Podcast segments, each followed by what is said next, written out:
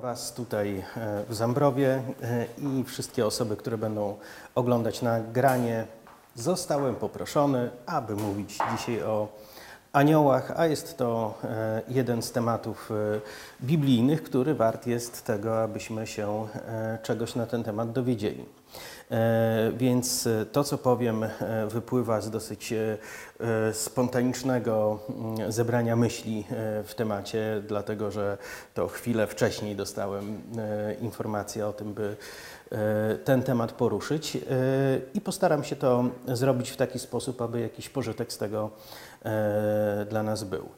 Więc y, kilka słów na temat tego, y, czym są aniołowie, na temat ich pochodzenia, na temat tego, jaka była historia powstania i tego, jak dzisiaj możemy podchodzić do tematu aniołów i co z tego w praktyce dla nas wypływa. Więc y, mm, kiedy spojrzymy na Pismo Święte, to możemy dojść do takiego e, przekonania, że aniołowie zostali stworzeni wcześniej niż został stworzony dotykalny i namacalny dla nas świat materii.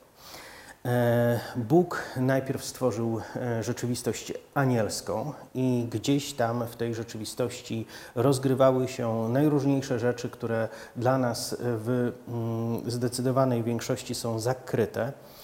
Aczkolwiek to, e, co mm, może do nas dochodzić z tamtej rzeczywistości, to to, że gdzieś w okresie istnienia aniołów przed stworzeniem świata, nastąpił w którymś momencie bunt. E, niektórzy dość luźno powiązując to z Biblią, e, uważają, że w trakcie buntu Lucyfera około jednej trzeciej aniołów poszła wraz z Lucyferem w buncie. Czego dotyczył bunt Lucyfera jako jednego z wielkich aniołów, których stworzył Bóg? E, myślę, że tutaj warto parę słów na ten temat powiedzieć, bo nie będziemy mówić tylko o aniołach e, tych, które pozostały wierne Bogu, ale powiemy też parę słów o aniołach, które od Boga odeszły. Więc e, Lucyfer był kimś, kto mm, w pewnym sensie, można tak powiedzieć, odpowiadał za temat uwielbienia wszechmogącego Boga. E, my dzisiaj, znajdując się w takiej rzeczywistości, w jakiej jesteśmy, poprzez uwielbienie e, rozumiemy różne rzeczy. Bardzo często e, dla nas uwielbieniem wydaje się na najwyższym poziomie to, kiedy ludzie spotykają się, śpiewają, wydają z siebie najróżniejsze dźwięki, uniżają się przed Bogiem i starają się otaczać Go czcią. Jak to było w tej rzeczywistości anielskiej? Myślę, że jest to e, trudne dla nas do wyobrażenia, dlatego że nikt nigdy się nie pofatygował tam z kamerą, ale e, podejrzewam, że uwielbienie, które mm, było kierowane E, w kierunku Boga z całej tej sfery anielskiej było czymś niezwykłym, nieprawdopodobnym. My dzisiaj możemy mówić o tym, że jedna osoba wnosi w życie drugiej osoby jakąś atmosferę. Czy tak się zgadza? Przypomnijcie sobie tylko tą sytuację, kiedy żona przychodzi do domu i już ma focha. Od razu zmienia się całkowicie atmosfera w domu. Albo kiedy przychodzi i jest wręcz przeciwnie, jest mega zadowolona. Też się zmienia od razu atmosfera, ale dlaczego to mówię?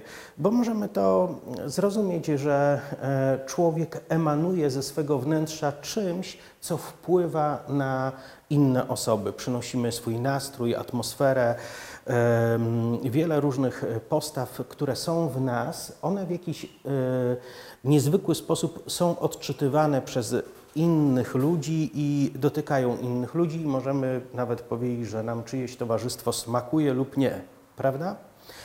I e, myślę, że w tej rzeczywistości anielskiej owe uwielbienie to nie było tylko wydawanie dźwięków. Owe uwielbienie wiązało się z czymś e, niepojętym i niezrozumiałym dla nas w tej rzeczywistości tutaj, kiedy jesteśmy ograniczeni materią, ale z pewnością Lucyfer, który obserwował nieustannie uwielbienie i miłość, która płynęła ze strony całego stworzenia w kierunku Stwórcy, był tym e, bardzo poruszony, był tym zachwycony. E, to dotykało jego wnętrza i być może stało się tak, że przez chwilę stał się osobą rozmarzoną, myśląc o tym, jakby to było, gdyby to wszystko było skierowane w jego stronę. Myślę, że takie myśli zaprzątały umysł Lucyfera, który był mm, aniołem e, przez mm, e, akt stworzenia e, poddanym Bogu, ale e, w którymś momencie coś w nim zaczęło się zmieniać. Jednym z najbardziej błędnych mm, E, sposobów myślenia na temat buntu Lucyfera jest to, że Lucyfer starał się wystąpić przeciwko Bogu jako równoznaczny partner, który chciał e, wyrzucić Boga z nieba i zająć jego miejsce. Lucyferowi by nigdy nic takiego do głowy nie przyszło, ani Biblia nie mówi, jakoby Lucyfer kiedykolwiek coś takiego chciał zrobić, dlatego że stworzenie nie jest w stanie E, zająć pozycji stwórcy. I e, myślę, że Lucyf Lucyferowi by coś takiego, co mu się przypisuje do głowy, nigdy nie przyszło. Ale kiedy patrzymy na miejsca e, w Piśmie Świętym, które opisują istotę buntu Lucyfera, to możemy zauważyć, że dwa z tych miejsc dają nam pewne wskazówki. 14 bodajże rozdział Księgi Izajasza mówi o tym, że kiedy Lucyfer E, postanowił się zbuntować, to jego słowa e, brzmiały w taki sposób: Zasiądę na, e, przy stole narad, będę równym Najwyższemu. Lucyfer chciał znaleźć się w pozycji kogoś, kto może współpodejmować decyzje razem z Bogiem. On chciał wejść w pozycję doradcy Boga nie w pozycję taką, że y, pozbędzie się Boga z nieba i teraz On będzie rządził, dlatego że On jest tylko stworzeniem, e, podczas gdy e, Bóg jest stwórcą, więc e, Lucyfer wyobraził sobie pozycję, w której mógłby otrzymać jakąś część uwielbienia, część chwały. Wyobraził sobie pozycję, w której mógłby być osobą współdecydującą i w jakiś sposób doradzającą Bogu. E, Bóg jednak ani nie zamierzał podzielić się z nikim swoją chwałą, która się tylko Jemu należała jako Stwórcy, ani tym bardziej nie zamierzał e, słuchać e, pouczeń i doradztwa ze strony stworzenia. W rzeczywistości znanej nam e, bywa, że od czasu do czasu jakiś uczeń w szkole w związku z tym, że przyłapie swego nauczyciela na jakiejś literówce lub e, błahym błędzie popełnionym z roztargnienia, taki uczeń często uważa się za mądrzejszego od e, Belfra. Prawda? Tak się dzieje. Ale czy jest tak naprawdę? W zdecydowanej większości przypadków e, nie jest. I e, mm, rzadko się zdarza, by uczeń e, przerastał nauczyciela. Rzadko się zdarza, by uczeń przerastał mistrza. I mm, w buncie Lucyfera miało miejsce coś takiego, że Lucyfer zaczął sobie wyobrażać, że może e, stanowić e, mm, kogoś, kto wejdzie w pozycję partnerstwa z Bogiem. Bogu się to nie podobało. On nie chciał, żeby coś takiego miało miejsce. Wyobraźmy sobie, e, co by było, gdyby złota rybka, nie chodzi mi o bajkową złotą rybkę, tylko taką z akwarium, mm, któregoś dnia nam powiedziała: Teraz myślę, że czas na to, abym e, zaczęła współdecydować o wszystkim, co się będzie działo w tym domu, w tej rodzinie i w całej tej rzeczywistości. Poza faktem, że gadająca złota rybka mogłaby być naprawdę intrygującym zjawiskiem, to jednak raczej nie dalibyśmy jej takiej pozycji. Gdyby któregoś dnia e, nasz burek podwórkowy wpadł na taki pomysł, to też raczej byśmy myśleli o tym, jak mu wybić to z głowy. I e, to, co zrobił Lucyfer, było czymś karygodnym i Bóg w związku z tym e, odrzucił go.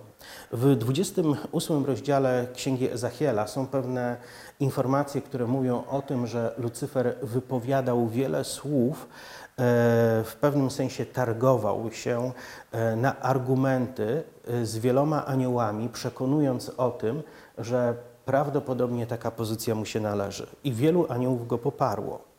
I w związku z tym w tej rzeczywistości przed stworzeniem świata, e, w rzeczywistości anielskiej nastąpił rozłam, nastąpił bunt i część aniołów e, przestała być aniołami e, w takim sensie, jak to rozumiemy, będąc posłusznymi Bogu, ale stała się aniołami złego, stała się aniołami szatana, stała się współczesnymi demonami, E, współczesnymi e, duchami, za którymi, za którymi stoi e, zło. Podczas gdy cała sfera anielska pozostająca przy Bogu przez cały czas była wierna służąc Mu. Powiem jeszcze kilka słów a propos takiej symulacji. Co by się stało, gdyby wszystkie anioły świata zbuntowały się razem z Lucyferem? Nie stanowiłoby to dla Boga żadnego problemu dlatego że nie ma takiej siły demokratycznej we wszechświecie, która byłaby w stanie zagrozić pozycji wszechmogącego Boga. On jest stwórcą, a wszystko inne jest tylko stworzeniem. Pozycja Boga nad stworzeniem jest e, tak wielka, jak e, pozycja e, autora książki nad mm, postaciami z tej książki. Wyobraźmy sobie, że postacie z książki, czyli postacie wymyślone przez autora, e, miałyby jakiś problem z autorem. Czy to stanowiłoby problem dla autora? On może tej książki nie dokończyć, może ją wyrzucić, może ją zmienić. On może zrobić z tą książką wszystko, ale E, stworzone przez niego dzieło nie może wystąpić e, przeciwko niemu w taki sposób, by mu zagrozić. I tak jest z tą rzeczywistością anielską. Jednak e, w mm, owym świecie stało się tak, że część aniołów zbuntowała się, podczas gdy stanowcza większość pozostała wierna. A jakiś czas później nastąpiło stworzenie. I kiedy Bóg stworzył świat, e, mm, e, kiedy stworzył człowieka, e, mm, wtedy coś się wydarzyło. Zbuntowany anioł, jakim był Lucyfer, objawił się w ogrodzie Eden i zaczął robić coś, co jest jego niezmiennym zajęciem od e, wieków, powiedział do Ewy, czy naprawdę Bóg e, powiedział, że nie wolno wam jeść z tego owocu. I mm, w ten sposób wrzucił pewną wątpliwość do umysłu Ewy, która postanowiła jednak zrobić coś wbrew Bogu. E, Adam dał się jej namówić. To jest ciekawe, jak potężną moc mają w sobie kobiety. jak już wpadnie jej coś do głowy, to jest w stanie za sobą pociągnąć resztę ludzkości. Ale to, co e, się wydarzyło, to z tego powodu, że e, ludzie zgrzeszyli i zostali wypro, wy, mm, E, z Edenu. E, z tego też powodu e, mieli okazję zetknąć się z innym rodzajem aniołów. Biblia mówi, że wtedy Bóg zesłał aniołów, którzy strzegli z ognistym mieczem wejścia z powrotem do Edenu, tak aby ludzie nie mogli tam wrócić. Więc pierwsi ludzie mieli kontakt z aniołami z jednej i z drugiej strony. I kiedy patrzymy na e, dzieje ludzkości, kiedy patrzymy na to, co działo się w Starym Testamencie, kiedy patrzymy na pierwsze e, mm, społeczności ludzkie, jakie powstawały, to widzimy, że e, Bóg czynił rzeczy różne poprzez aniołów. Posyłał aniołów, którzy mm, reprezentowali go, ale miały też miejsce różnego rodzaju interwencje aniołów E, zbuntowanych, które też chciały mieć wpływ na ludzkość. W e, e, czasie przed samym potopem Biblia mówi o tym, że e, synowie Boży, tak e, często aniołowie są nazywani w języku Starego Testamentu, że synowie Boży stępowali i e, wchodzili w kontakty z e, córkami ludzkimi.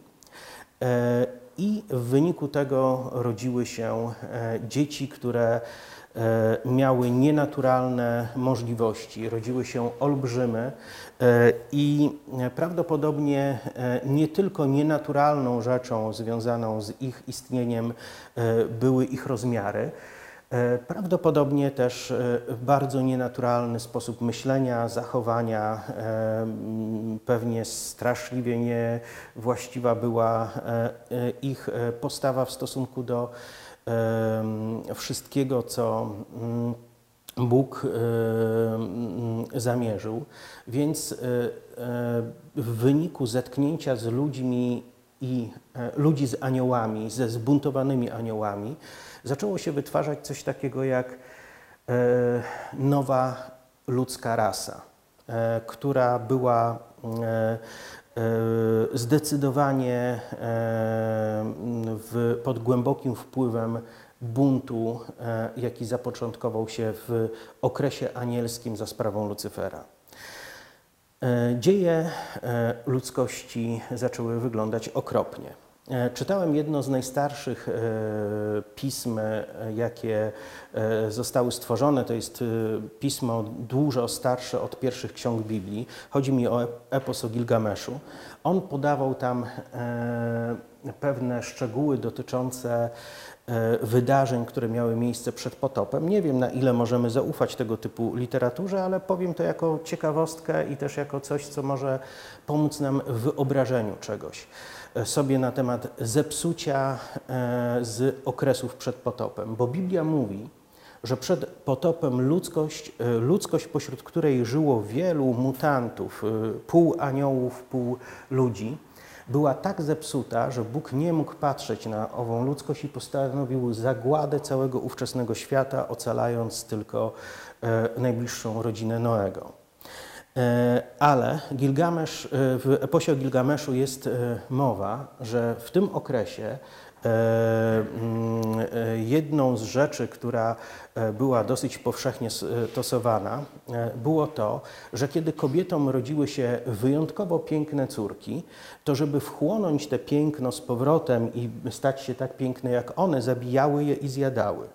I to jest jedna z- wielu rzeczy, które są opisane w eposie o Gilgameszu jako coś, e, co było atmosferą tamtego okresu, który poprzedzał potop. Możemy sobie wyobrazić coś takiego w historii. Różne podobne rzeczy się działy, e, zwykle na e, niezbyt wielką skalę, ale nawet kiedy się przebrnie przez dzieje Herodota, można przeczytać tam o pomysłach ludzkich, które e, mm, przekraczają naszą e, wyobraźnię na temat perwers, perwersji, z jaką człowiek może traktować drugiego człowieka.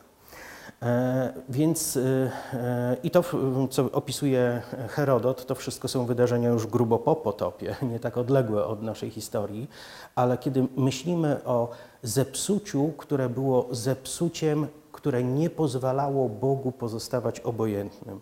Bóg nie zesłał potopu na świat z powodu II wojny światowej i Oświęcimia i wszystkich tych rzeczy, które tam się działy. Bóg nie zesłał potopu z powodu e, rzezi dokonywanych w średniowieczu.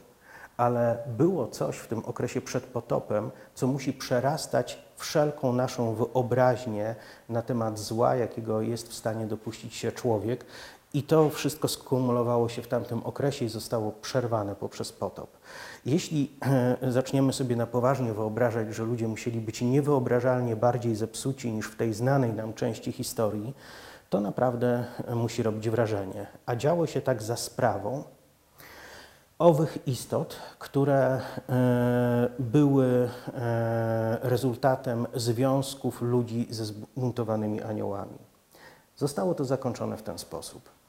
Później e, to, co odkrywamy, to to, że e, Bóg zaczyna e, poszukiwać dla siebie człowieka, z którego może mm, rozpocząć realizację swojego planu. Znajduje Abrahama. E, znajduje Abrahama, którego powołuje, i z potomstwa Abrahama wywodzą się kolejni ludzie, e, z którymi wiąże się obietnica Bożego błogosławieństwa. I od momentu pojawienia się Abrahama e, w Biblii mamy ogromną ilość manifestacji różnych aniołów w potomkach pochodzących od Abrahama i w życiu samego Abrahama. Biblia mówi, że e, pewnego razu do Abrahama przyszło trzech mężów, e, czyli ludzi wyglądających jak mężczyźni, e, którzy mm, zjedli razem z Adamem, przepraszam, z Abrahamem posiłek, spędzili z nim czas, powiedzieli mu, że za rok Sara, która wtedy była już nie młodą dziewczyną, stanie się matką. E, mm, Biblia też mówi, że kiedy rozstali się, dwóch aniołów przybyło do Sodomy.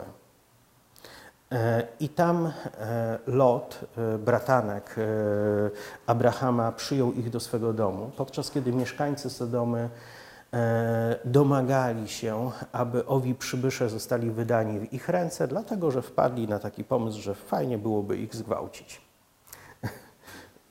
Rzecz dotyczyła dwóch aniołów, którzy przybyli wyglądając tak jak ludzie. I Biblia też mówi, że e, oni przybyli, aby w ostateczny sposób e, ocenić, czy te miejsce jest godne sądu, E, który został zapowiedziany nad tym miejscem. Więc po takim przywitaniu przez e, mieszkańców Sodomy e, sprawa była rozstrzygnięta. E, sąd został chwilowo opóźniony o kilka godzin z tego powodu, że trzeba było zadbać, by wyprowadzić z Sodomy e, rodzinę Lota, ale niedługo później, po e, tym, kiedy aniołowie pojawili się w mm, Sodomie, e, spadł e, ogień, e, mm, spadły bryły siarki na te miejsca. Są różni archeolodzy, którzy twierdzą, że Sodoma musiała znajdować się w okolicach dzisiejszej mm, twierdzy Masada.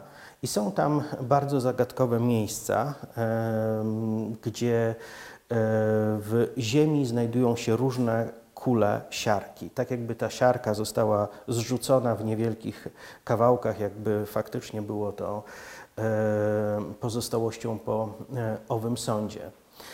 Biblia pokazuje, że aniołowie pojawiali się wielokrotnie. Wielokrotnie w historii Izraela aniołowie stawali przed ludem Izraela, przed pojedynczymi ważnymi postaciami Izraela, e, stawali przed wrogami Izraela. I chciałbym tutaj pobieżnie kilka z tego typu sytuacji omówić, żeby później przejść do tego, jak ta rzeczywistość ma się e, do nas, jaka jest różnica między Starym a Nowym Testamentem w mm, działaniu aniołów w życiu ludzi oddanych Bogu.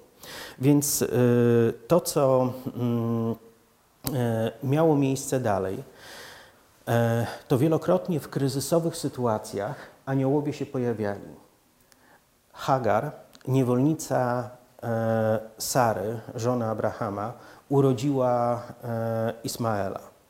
I Biblia mówi o tym, że kiedy mm, Hagar została wypędzona, znajdowała się na pustyni, była pełna rozpaczy i gotowa na przyjęcie śmierci, była totalnie zrezygnowana. Wtedy pojawił się przy niej anioł, który ocalił jej życie, jej syna. E, to pokazuje pewien akt Bożego miłosierdzia. E, w mm, sytuacji, w której wiele lat później e, młody Józef, jeden z dwunastu synów Jakuba, poszukiwał swoich braci na pustyni, zabłądził. Biblia mówi, że stanął przed nim pewien mąż, posłaniec z nie wiadomo kąd, e, który przemówił do niego i powiedział, gdzie ma znaleźć tych braci. To, co jest najbardziej zdumiewające w tej historii, to to, że ten Boży Anioł wysłał go prosto w najtrudniejsze doświadczenie, jakie miał przeżyć w swoim życiu. Dlatego, że jego bracia go nienawidzili, jego bracia e, chcieli go zabić, e, ale koniec końców sprzedali go do Egiptu, gdzie w Egipcie po wielu latach i wielu niezwykłych perypetiach stał się drugą osobą po faraonie i e, w wyniku Bożego działania znalazł się w miejscu, gdzie mógł okazać przebaczenie swoim braciom i ocalić ich przed śmiercią głodową. E, więc e, mm, bez zetknięcia z aniołem na pustyni e, Józef nie zostałby wciągnięty w te najtrudniejsze doświadczenie w swoim życiu. Często ludzie wyobrażają sobie, że aniołowie to takie postacie, które mm, kiedy się pojawiają, to od razu powinna pojawić się w związku z tym taka miła atmosfera i powinno zrobić się e, bardzo fajnie, bardzo pacyfistycznie. Ale Biblia pokazuje, że e, często Boży aniołowie e, dokonywali rzeczy, które dla nas są trudne do zrozumienia, szczególnie jeśli wyrośliśmy w kulturze chrześcijańskiej i jeśli wychowywaliśmy się w rzeczywistości, na którą duży wpływ miał humanizm, to niektóre akty działań aniołów są dla nas trudne do e, zrozumienia. Biblia opowiada o tym, że e, aniołowie czasami e, występowali w obronie Izraela i potrafili wyrżnąć w jednym momencie całą kilkudziesięciotysięczną armię. Zdarzyło się to kilkukrotnie, że aniołowie stawali w obronie Bożego Ludu, walcząc i zabijając przeciwników Bożego Ludu. Zdarzyło się, że kiedy król Dawid zgrzeszył, e, Bóg zadał mu pytanie poprzez proroka, czy e, chcesz, e, jaki chcesz rodzaj kary, czy chcesz wpaść w ręce swoich wrogów? No, kilka pytań mu zadał, ale koniec końców Dawid powiedział mu, jeśli mam być przez kogoś dotknięty, to nie chcę być dotknięty przez ludzi, E, ale chcę, aby Twoja ręka przyszła z sądem. I wydarzyło się coś przerażającego, dlatego że Bóg wypuścił anioła, za sprawą którego zginęło e, wiele tysięcy ludzi w Izraelu. Ów anioł był widoczny. Nie wiem, czy był widoczny dla wszystkich, czy był tylko widoczny dla osób o e, E, jakimś głębszym wejrzeniu proroczym, ale w pewnym momencie, kiedy znajdował się na, przy jednym ze wzgórz Jerozolimy, po modlitwie ten anioł zatrzymał się E, a Dawid tam właśnie e, ustanowił miejsce, w którym ma być e, świątynia, świątynia jerozolimska i przez wieki świątynia jerozolimska znajdowała się właśnie tam. Jego syn, król Salomon, zbudował w tym miejscu, w którym anioł sądu zatrzymał swoją rękę, zbudował świątynię. Więc możemy zobaczyć, że mm, aniołowie to nie są miłe cherubinki Aniołowie to nie są postacie, które e, moglibyśmy jednoznacznie e, potraktować, że e, złe duchy to nie wiem, to są duchy, które sprowadzają choroby, problemy i pokusy i powodują, że ludzka natura jest zwyrodniała, a aniołowie to są tylko takie duchy, które sypią nam e, płatki róż e, przed stopami, kiedy chodzimy i mówią e, same miłe rzeczy i inspirują nas, żebyśmy byli grzeczni. Aniołowie potrafią wziąć miecz, pójść i wyciąć całą armię, która zagraża Bożemu ludowi. Aniołowie potrafią przynieść sąd. Aniołowie są używani przez Boga w różnych niezwykłych momentach historii. I dzieje się to nie tylko w okresie tych wydarzeń biblijnych, ale dzieje się to przez całą historię i w całej historii można znaleźć ogromną ilość tego typu e, wydarzeń. Więc zaraz może do tego dojdziemy, jeszcze kilka rzeczy ze Starego Testamentu. W Psalmie 8 król Dawid pisze i zadaje takie pytanie: Boże, czymże jest człowiek, że o nim pamiętasz? Uczyniłeś go niewiele mniejszym od aniołów. To jest ciekawe. Postawa człowieka Starego Testamentu jest taka, że e, człowiek mówi: Jestem niewiele mniejszy od aniołów. Ale człowiek w Starym Testamencie uważał się za kogoś mniejszego od aniołów. E, I kiedy aniołowie się objawiali, ludzie byli pełni grozy. Kiedy zobaczymy e, aniołów objawiających się w księdze Daniela, kiedy przychodzą z proroctwami dotyczącymi przyszłych czasów, widzimy Daniela, który jest pełen czci wobec aniołów, którzy, który pada przed nimi e, na twarz, i wszystko to wydaje się e, być jak najbardziej właściwą rzeczą. Ale w Nowym Testamencie dzieje się coś innego. W Nowym Testamencie, w Księdze Apokalipsy, kiedy widzimy Jana Apostoła, E, któremu objawiona została treść e, mm, Księgi Apokalipsy mówiącej o czasach ostatecznych, Jan próbuje paść na kolana przed aniołem, który mu to powiedział. Podczas gdy anioł mówi do niego z bardzo wielką powagą: Bacz, abyś czegoś takiego nie czynił. Jestem współsługą Twoim. W Starym Testamencie cześć oddawana aniołom była E, czymś, e, co e, miało miejsce i co nie powodowało oburzenia owych aniołów. Ale w Nowym Testamencie rzeczywistość się zmienia. Ludzie, którzy wchodzą w przymierze z Bogiem poprzez krew Chrystusa, poprzez krew Bożego Syna, znajdują się w zupełnie innym położeniu w stosunku do Boga. I Biblia w liście do Hebrajczyków mówi o tym, że człowiek wierzący jest tym, który może postrzegać aniołów jako duchy służebne, które zostały stworzone e, do tego, by spełniać naszą wolę. To jest ciekawe. W Starym Testamencie e, anioł, objawienie aniołów e, mogło wiązać się z wielką grozą, dlatego że aniołowie mogli przynieść sąd Boży.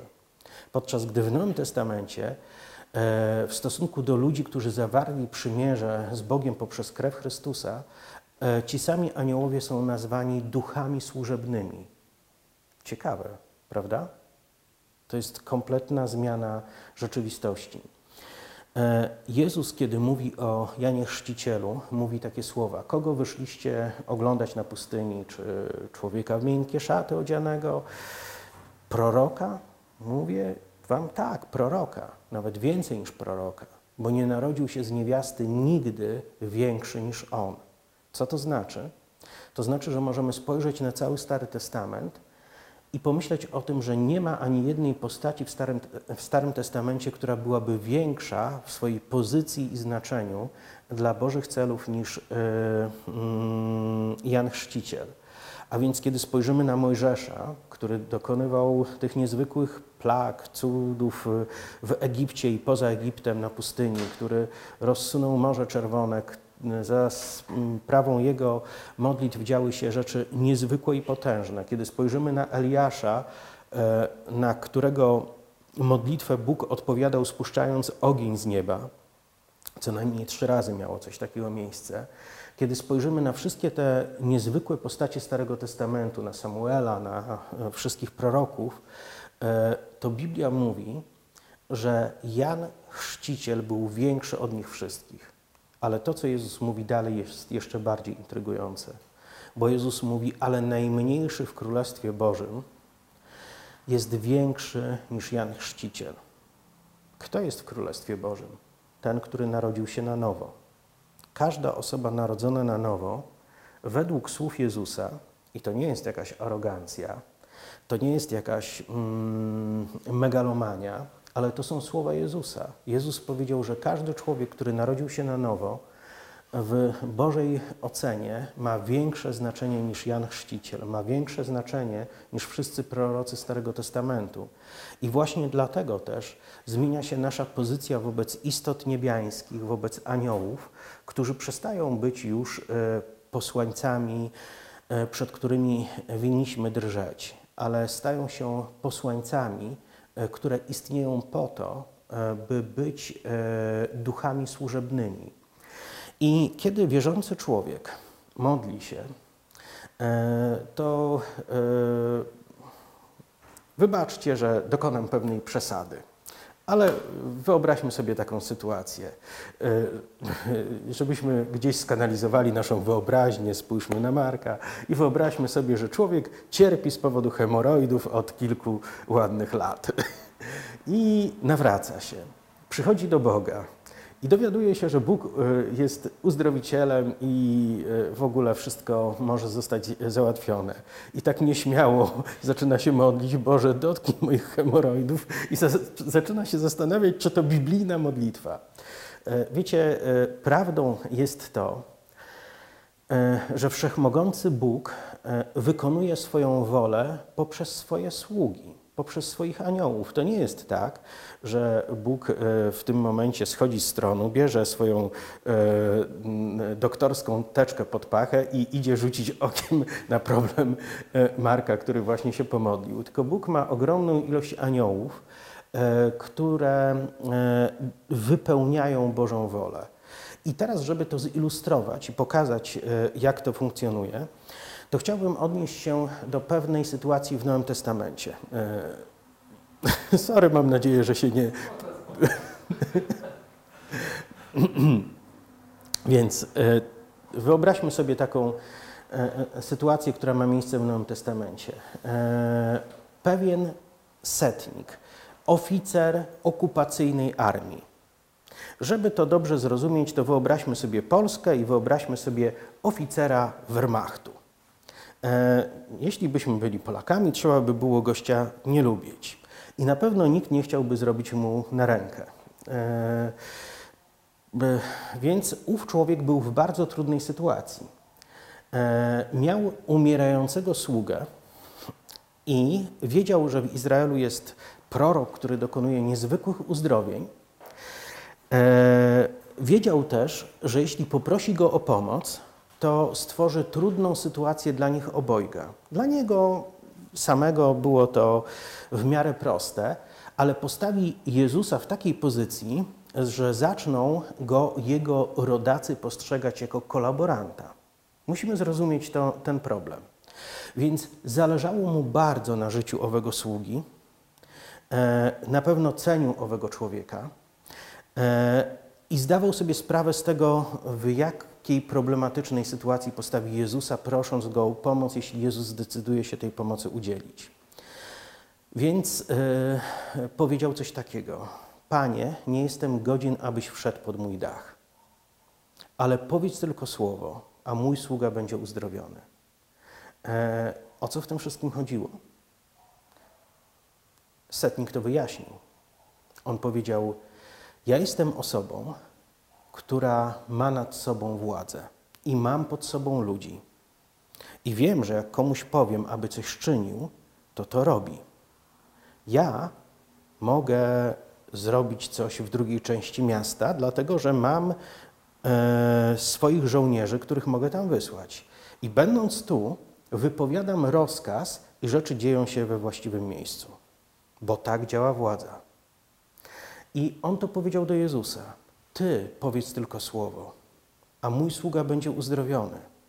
Wiem, że w tej rzeczywistości duchowej są jacyś posłańcy, są aniołowie, jest coś, jest ktoś, kto wypełni Twój rozkaz.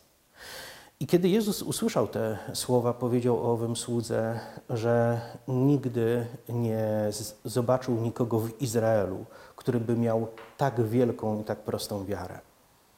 Tak to działa.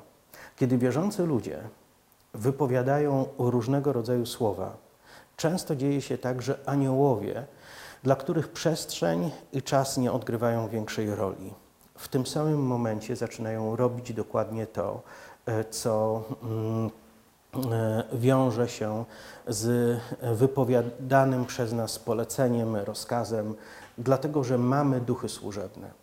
E, mamy anioły, które będą nam służyć i, którzy, i które są e, stworzone po to, by wypełniać to, co wychodzi z naszych ust.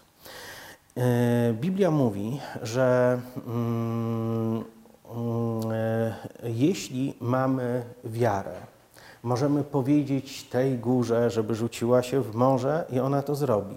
Jeszcze raz zastanówmy się nad tym, jak to się dzieje. Wierzący człowiek, załóżmy, że nie jest to góra, załóżmy, że ktoś ma problem i, i załóżmy, że wypada mu dysk na przykład w kręgosłupie i chcemy przez wiarę e, przemówić do kręgosłupa, chcemy przemówić do tego dysku, żeby nigdy więcej nie wypadał, żeby wszedł w swoje miejsce. Czy dzieje się tak, że Bóg schodzi ze swojego tronu i e, fatyguje się osobiście do każdej takiej sytuacji? Czy też dzieje się tak, że jest to manifestacją Bożego Królestwa, w którym jest aż gęsto od aniołów, którzy chcą wypełniać wszystko to, co jest Bożą wolą? Tak to widzę. Chciałbym opowiedzieć jeszcze o e, mm, kilku różnych wydarzeniach. E, mm, ileś lat temu, e, jakieś 6-7 lat temu, wracałem z hełma. E, była tak gęsta mgła i tak ciemno e, w środku nocy, że nie byłem w stanie E, poruszać się szybciej niż jakieś 30 km na godzinę, jeśli chciałbym mieć jakąkolwiek widoczność i kontrolę tego, co dzieje się przed maską samochodu. Po prostu biała ściana. Zdarza się, że widoczność jest rzędu 2-3 metrów. Zwykle rzadko się zdarza, żeby to trwało przez dłuższe dystanse, ale akurat wtedy tak było. Więc szybko pomyślałem sobie, no dobrze, jeśli będzie ktoś jechał z naprzeciwka, to światła i tak rozmyte zobaczę wcześniej, więc będzie czas na to, żeby zwolnić, bardziej się dostosować do pobocza. E, jeśli chodzi o zakręty i wszystkie inne rzeczy, to to mogę mieć załatwione za pomocą GPS-a, bo ja nie widzę drogi, ale GPS widzi i pokazuje mi, czego mogę się spodziewać. Więc dzięki temu mogłem rozpędzić się trochę bardziej, nie aż tak mocno, ale jechałem już powyżej 50 E, km na godzinę, e, zerkając przez cały czas na GPS-a. W którymś momencie, a powiem, że byłem w samochodzie sam, w którymś momencie jakby ktoś krzyknął wewnątrz samochodu: hamuj. E, więc to było tak gwałtowne, że nie miałem czasu na zastanowienie się. Po prostu nacisnąłem hamulec i zastanawiałem, co się działo, bo było to dla mnie czymś takim zaskakującym. No, ktoś krzyknął, żebym hamował.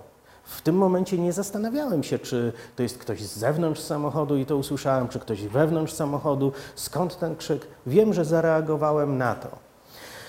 Więc e, mm, spojrzałem na GPS-a, prosta kreska. Ok. Uruchomiłem samochód, jadę. Po kilku metrach zobaczyłem, że są barierki dookoła. Chwilę później zobaczyłem, że rondo z wielkim czymś na samym środku zostało wybudowane, ale moja mapa była niezaktualizowana.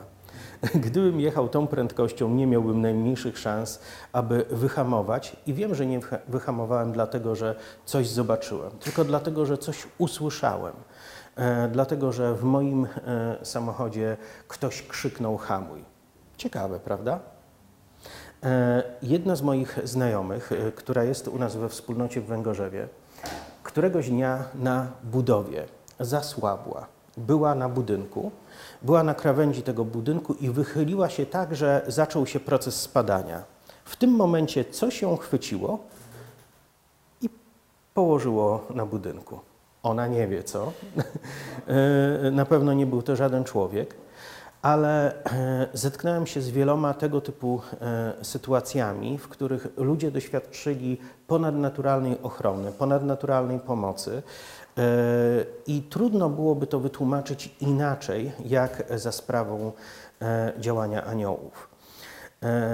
Zdaję sobie też sprawę, że kiedy modlimy się i widzimy, jak rzeczy się zmieniają, to mamy do czynienia z różnego rodzaju interwencją anielską.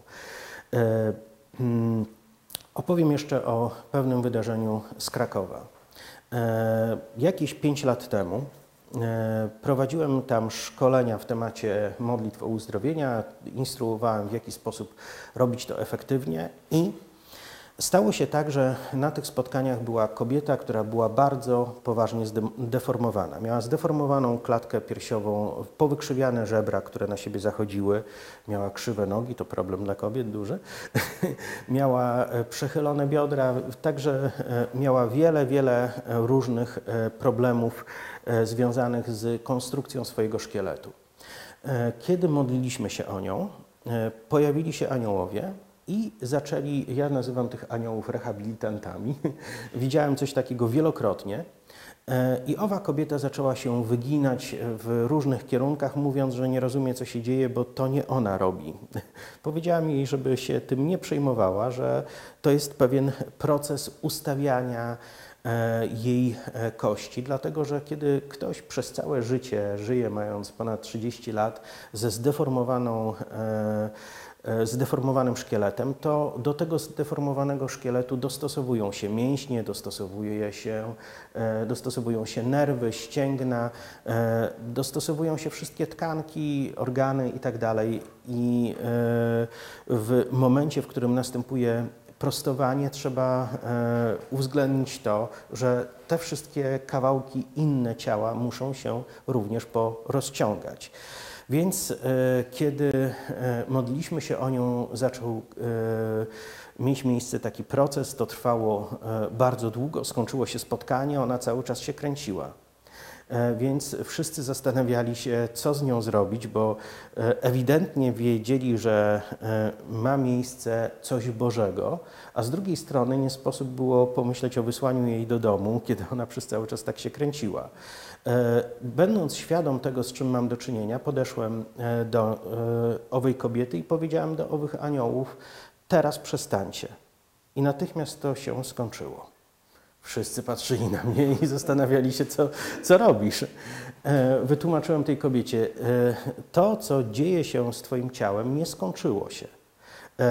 To musi się dokończyć, ale e, następna część będzie dopiero jak wrócisz do domu. Wrócisz do domu, nie zdziw się, kiedy znowu Twoje ciało zacznie wykonywać dziwne ruchy. Stało się tak dokładnie. E, Została wyprostowana. E, Jej e, wszystkie kawałki e, kręgosłupa e, znalazły się na właściwym miejscu, jej żebra zostały poprostowane, wszystkie kości znalazły się w właściwym położeniu. E, Owa kobieta jest Ukrainką, o, będzie naszą tłumaczką na obozie.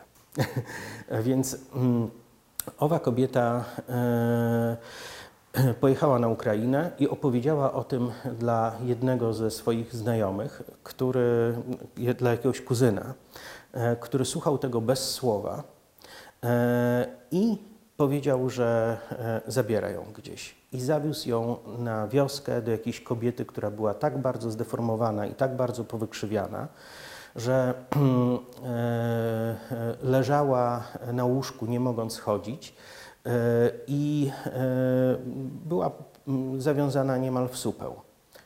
I on powiedział, to się módl o nią. Ona się pomodliła i ta kobieta zaczęła się kręcić. I kręciła się długo i została uzdrowiona. I e, jest z nią dobrze. Ale co e, e, jeszcze jedna istotna rzecz, którą powiedziałem owej kobiecie, kiedy odsyłałem ją z tego spotkania uzdrowieniowego. Powiedziałem, anioł, który zajmuje się Twoją rehabilitacją, on zostanie razem z Tobą i kiedy będziesz modliła się o ludzi z podobnymi problemami, jak Ty miałaś, to ów anioł wtedy będzie się uaktywniał i będzie rehabilitował tych ludzi i ich odkształcał e, we właściwą stronę. I dokładnie tak się stało, a później doświadczyła ona tego dziesiątki razy na dziesiątkach innych osób. Niesamowite e, wydarzenie. Sfera anielska. Co się dzieje, kiedy wierzący człowiek wypędza demony? ma miejsce konflikt mocy, ale za wierzącymi ludźmi stoi ogromna ilość aniołów, którzy czekają tylko, aby dorwać się do takiego ciemnego nikczemnika i e, wysłać go na właściwe miejsce. Jednak jeśli nie jesteśmy tego w pełni świadomi, E, możemy e, podejmować różnego rodzaju działania, nie przykładając do tego takiej wiary i zaufania, jakiego Bóg oczekuje. I często zdarza się, że ignorując anielską obecność wokół nas, zachowujemy się tak, jak gdybyśmy pozostawali z problemem sam na sam, my i problem. Ale Bóg obiecał, że pośle aniołów. I ci aniołowie są aktywni. Kiedy zaczynamy działać w wierze, oni się uaktywniają. E, mm, dobrze, jeszcze jedna ważna rzecz dla mnie, bardzo ważna. Wielokrotnie zastanawiałem się nad działaniem aniołów w e, życiu wierzącego człowieka. I zwykle na samym początku naszego rozwoju chrześcijańskiego wszystko przypisujemy Duchowi Świętemu, czy po prostu jakoś enigmatycznie mówimy, Bóg to zrobił. E, jednak, kiedy zaczyna się głębsze zrozumienie pewnych prawd, to okazuje się, że tak, oczywiście Bóg to zrobił, ale Bóg to zrobił poprzez swoich aniołów. I e, kiedy spojrzymy na historię Starego Testamentu, to możemy zobaczyć, że Bóg objawił się Mojżeszowi i e, Bóg dał przykazania, zrobił wiele, wiele innych rzeczy, i wszędzie tam jest napisane, że Bóg to sprawił, Bóg to sprawił, Bóg to sprawił. Ale kiedy czytamy o tych samych wydarzeniach w Nowym Testamencie, kiedy czytamy, jak e, Szczepan, diakon, e, opowiada o tych wydarzeniach e, mm, w dziejach apostolskich, mówi na przykład coś takiego: Otrzymaliście prawo, tak jak wam przekazali aniołowie. I to jest ciekawe bo w Starym Testamencie, w, tym w tych samych miejscach, możemy dowiedzieć się, że Bóg to zrobił. A w Nowym Testamencie o tym samym wydarzeniu dowiadujemy się, że to aniołowie sprawili. Więc yy, yy, ja myślę, yy, że przy oglądaniu tej Bożej rzeczywistości w bardziej szczegółowy sposób zobaczylibyśmy znacznie więcej aniołów niż nam się wydaje. E, że w wielu z tych sytuacjach, w których byśmy pomyśleli sobie, że to Duch Święty sprawił, czy że, e, nie wiem, jakoś Bóg się mocno e, w to zaangażował, to tak naprawdę mamy do czynienia z aniołami działającymi w imieniu Boga. Któregoś dnia czytałem książkę, siedziałem przed domem na bosaka jak prawdziwy wieśniak i zajmowałem się analizowaniem tego, co czytałem. E, I doświadczyłem czegoś, co e, mm, dosyć mocno wpłynęło na moje myślenie w tym temacie. E, myślę, że przeżyłem coś podobnego jak prorocy starotestamentowi, czy, czy może nawet niekoniecznie starotestamentowi, ale siedząc na dworze i czytając tą książkę, usłyszałem, jak coś w moim wnętrzu głośno i wyraźnie mówi: podnieś swoje oczy. E, więc pomyślałem sobie, czy ta książka nie podoba się Bogu, że Bóg chce mnie od niej oderwać. Podniosłem oczy i zobaczyłem coś, co było nienaturalne. I w pełni zdawałem sobie sprawę z tego, że w sposób naturalny nikt tego by nie mógł zobaczyć, co ja widzę w tym momencie. Więc zobaczyłem takie małe, kłębiące się mgielne wiry e, na całym podwórku i e, mm, zacząłem się im głębiej przyglądać. I kiedy zacząłem się im przyglądać, okazało się, że te bezkształtne e, wiry mgielne zaczęły nabierać bardzo konkretnych kształtów. Każdy z nich to były dwie zmagające się i przepychające postacie, które były w nieustannej walce, która wydawała się wyrównana. I było widać, że jedne z tych postaci są ciemne, a inne z tych postaci są e, jasne. I usłyszałem w swoim wnętrzu następne pytanie.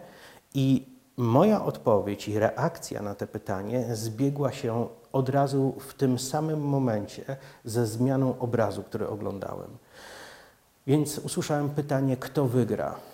Pytanie wydało mi się wręcz śmieszne, ono mnie rozbawiło, e, dlatego że dla mnie rzeczą oczywistą było to, że wygrają ci, którzy są po stronie Boga. Ale w moim wnętrzu kiedy usłyszałem to pytanie, pojawiło się coś w rodzaju takiego rozbawienia. Pomyślałem sobie, jak to? Nawet nie ma sensu pytać. I w momencie, kiedy moje wnętrze stało się rozbawione, można by było powiedzieć nawet w pewnym sensie to bardziej religijnie zabrzmi radosne, e, w tym samym momencie owe postacie, owe jasne postacie w tym zmaganiu, one urosły. I wtedy zrozumiałem, co Bóg chce przez to powiedzieć. E, wielu ludzi myśli, że e, kiedy odkrywamy te prawdy na temat aniołów, że kiedy wypowiemy jakieś rozkazy, e, to aniołowie zrobią, co sobie wyobrażamy. Podczas kiedy Jezus, On nie zachęca nas w nauczaniach w Ewangelii, abyśmy precyzyjnie formułowali swoje rozkazy do aniołów. Tego nie mówi, ale mówi dużo na temat właściwych postaw Mówi na temat tego, abyśmy kroczyli w wierze i w zaufaniu. Prawda? I e, ja uświadomiłem sobie w tamtym momencie, że e, to, na ile pozwalam e, na zdominowanie mego wnętrza przez Królestwo Boże, to na tyle aktywizuje aniołów wokół mnie. Aniołowie zaczynają działa, działać w zgodzie z tym, czym żyje mój duch. Jeśli w swoim wnętrzu jestem skoncentrowany na Chrystusie, jeśli w swoim wnętrzu jestem skoncentrowany na wypełnieniu Bożej woli, to aniołowie wokół mnie są aktywni, aby to się wszystko powiodło. Ale jeśli nie jestem zaangażowany w to, by być Bożym sługą, to też aniołowie w tym momencie stają się uśpieni. Wierzę w to, że Bóg nie przypisuje każdemu z nas tylko jednego anioła. Jest takie katolickie wierzenie, które mówi o tym, że każdy ma swego anioła stróża. E, ja jestem przekonany, że e, tych istot może być znacznie więcej.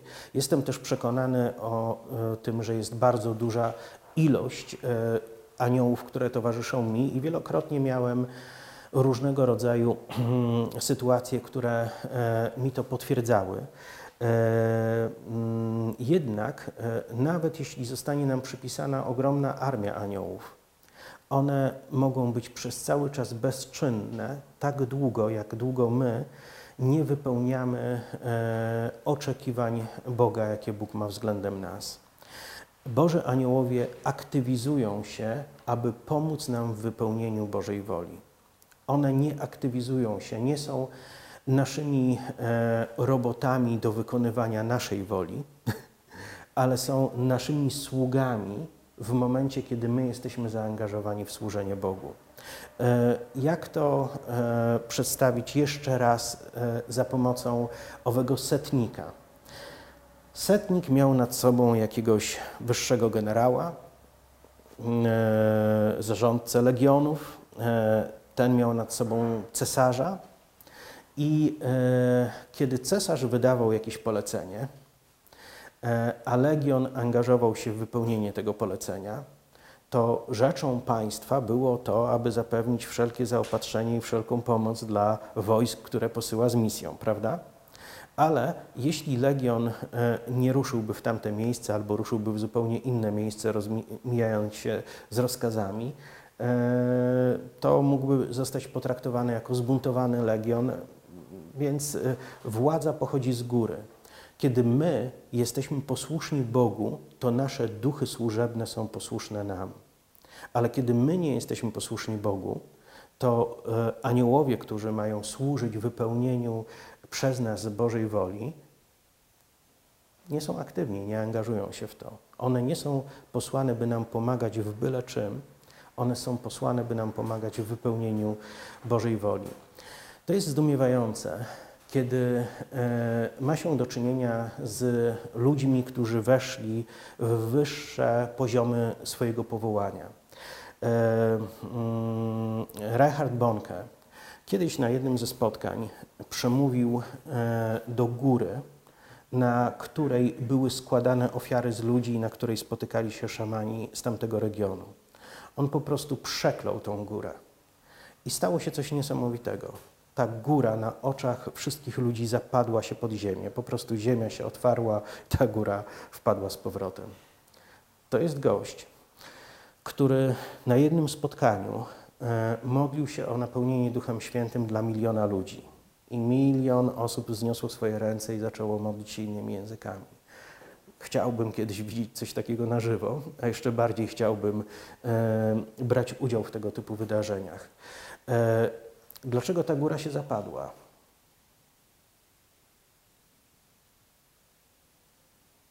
Aniołowie się pofatygowali. Są rzeczy, które e, mogą przerastać naszą wyobraźnię, ale one wszystkie znajdują się w rzeczywistości wszechmocy Boga. Wszechmogący Bóg posługuje się gigantyczną ilością aniołów, których stworzył. I owi aniołowie są gotowi e, działać w naszym życiu wtedy, kiedy my jesteśmy zdecydowani na posłuszeństwo. Nie ma takich rzeczy, które byłyby dla Boga zbyt trudne. Nie ma takich rzeczy, które byłyby dla Boga nie do zrobienia. To, co, to, co uwalnia e, Boże działanie w naszym życiu, to nasza gotowość do posłuszeństwa Jemu. E, jest coś, co wydarzyło się w Starym Testamencie, e, co było związane też z pewną interwencją anioła. Chciałbym o tym jeszcze parę słów powiedzieć i radykalnie zakończę. Dzisiejsze przesłanie, jakie mam E, do Was jest bardzo spontaniczne i w zasadzie powstaje w trakcie, kiedy jest e, mówione, ale mm, myślę, że w tym wszystkim znajdzie się sporo e, inspirujących i zachęcających myśli.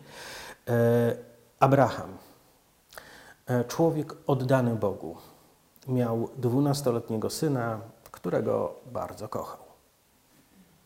I Bóg powiedział: Weź teraz tego syna, którego kochasz, idź z nim na górę Moira i złóż mi go w ofierze.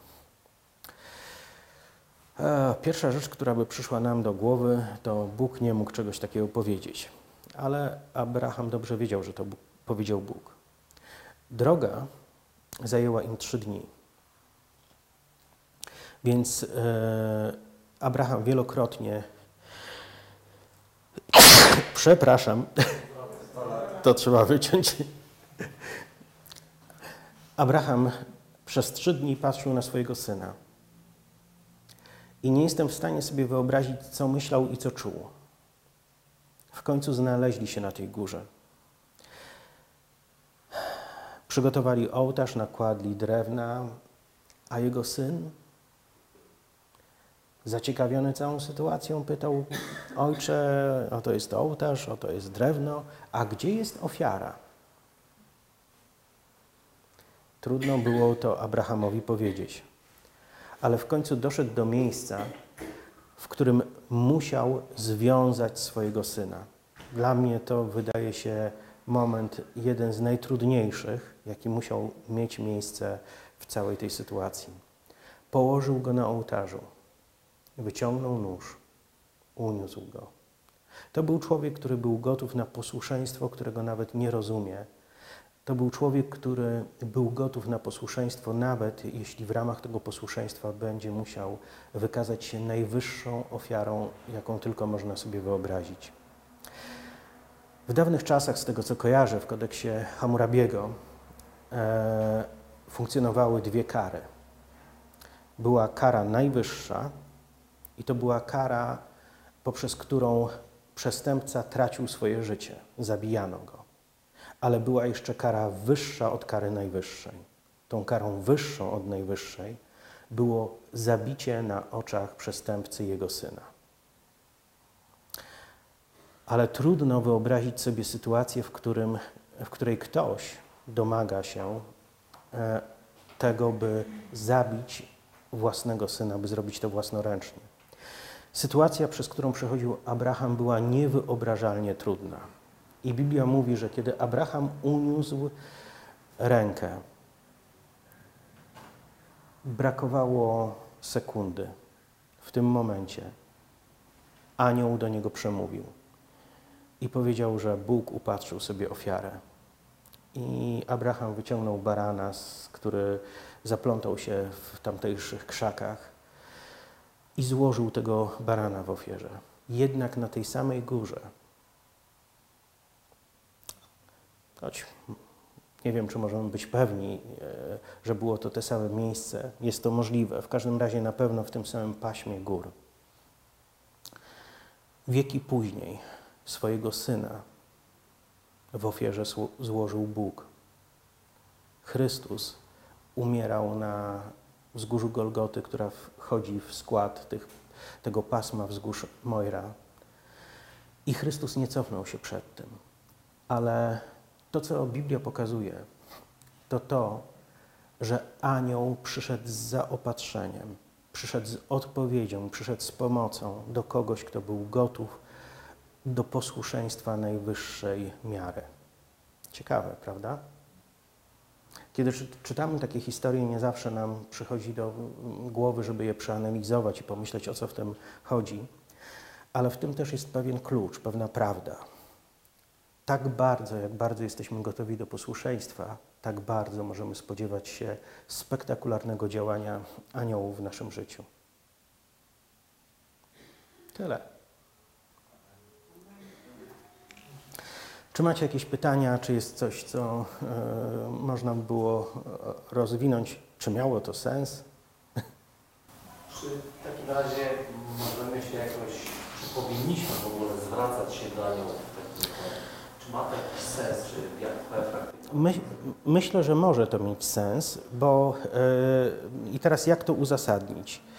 Czy w momencie, kiedy e, mamy do czynienia z siłą przeciwną, kiedy mamy do czynienia z demonami, to czy Biblia mówi, że mamy modlić się do Boga, aby demony odeszły, czy mamy przemówić do demonów i nakazać im odejść? Czy Jezus modlił się do Ojca i mówił, Ojcze, usuń tego demona, czy raczej e, e, rzucał się na owego demona, mówiąc, wynoś się stąd? Jezus zwracał się do demonów. Więc jeśli możemy zwracać się do demonów, to myślę, że jest też rzeczą uzasadnioną, abyśmy mogli zwrócić się e, do aniołów. I Biblia opisuje wiele sytuacji, w których ludzie rozmawiali z aniołami, e, przyjmowali od nich informacje, dopytywali się różnych rzeczy w momencie objawień. Mamy wiele manifestacji anielskich w całej Biblii i wiele konwersacji.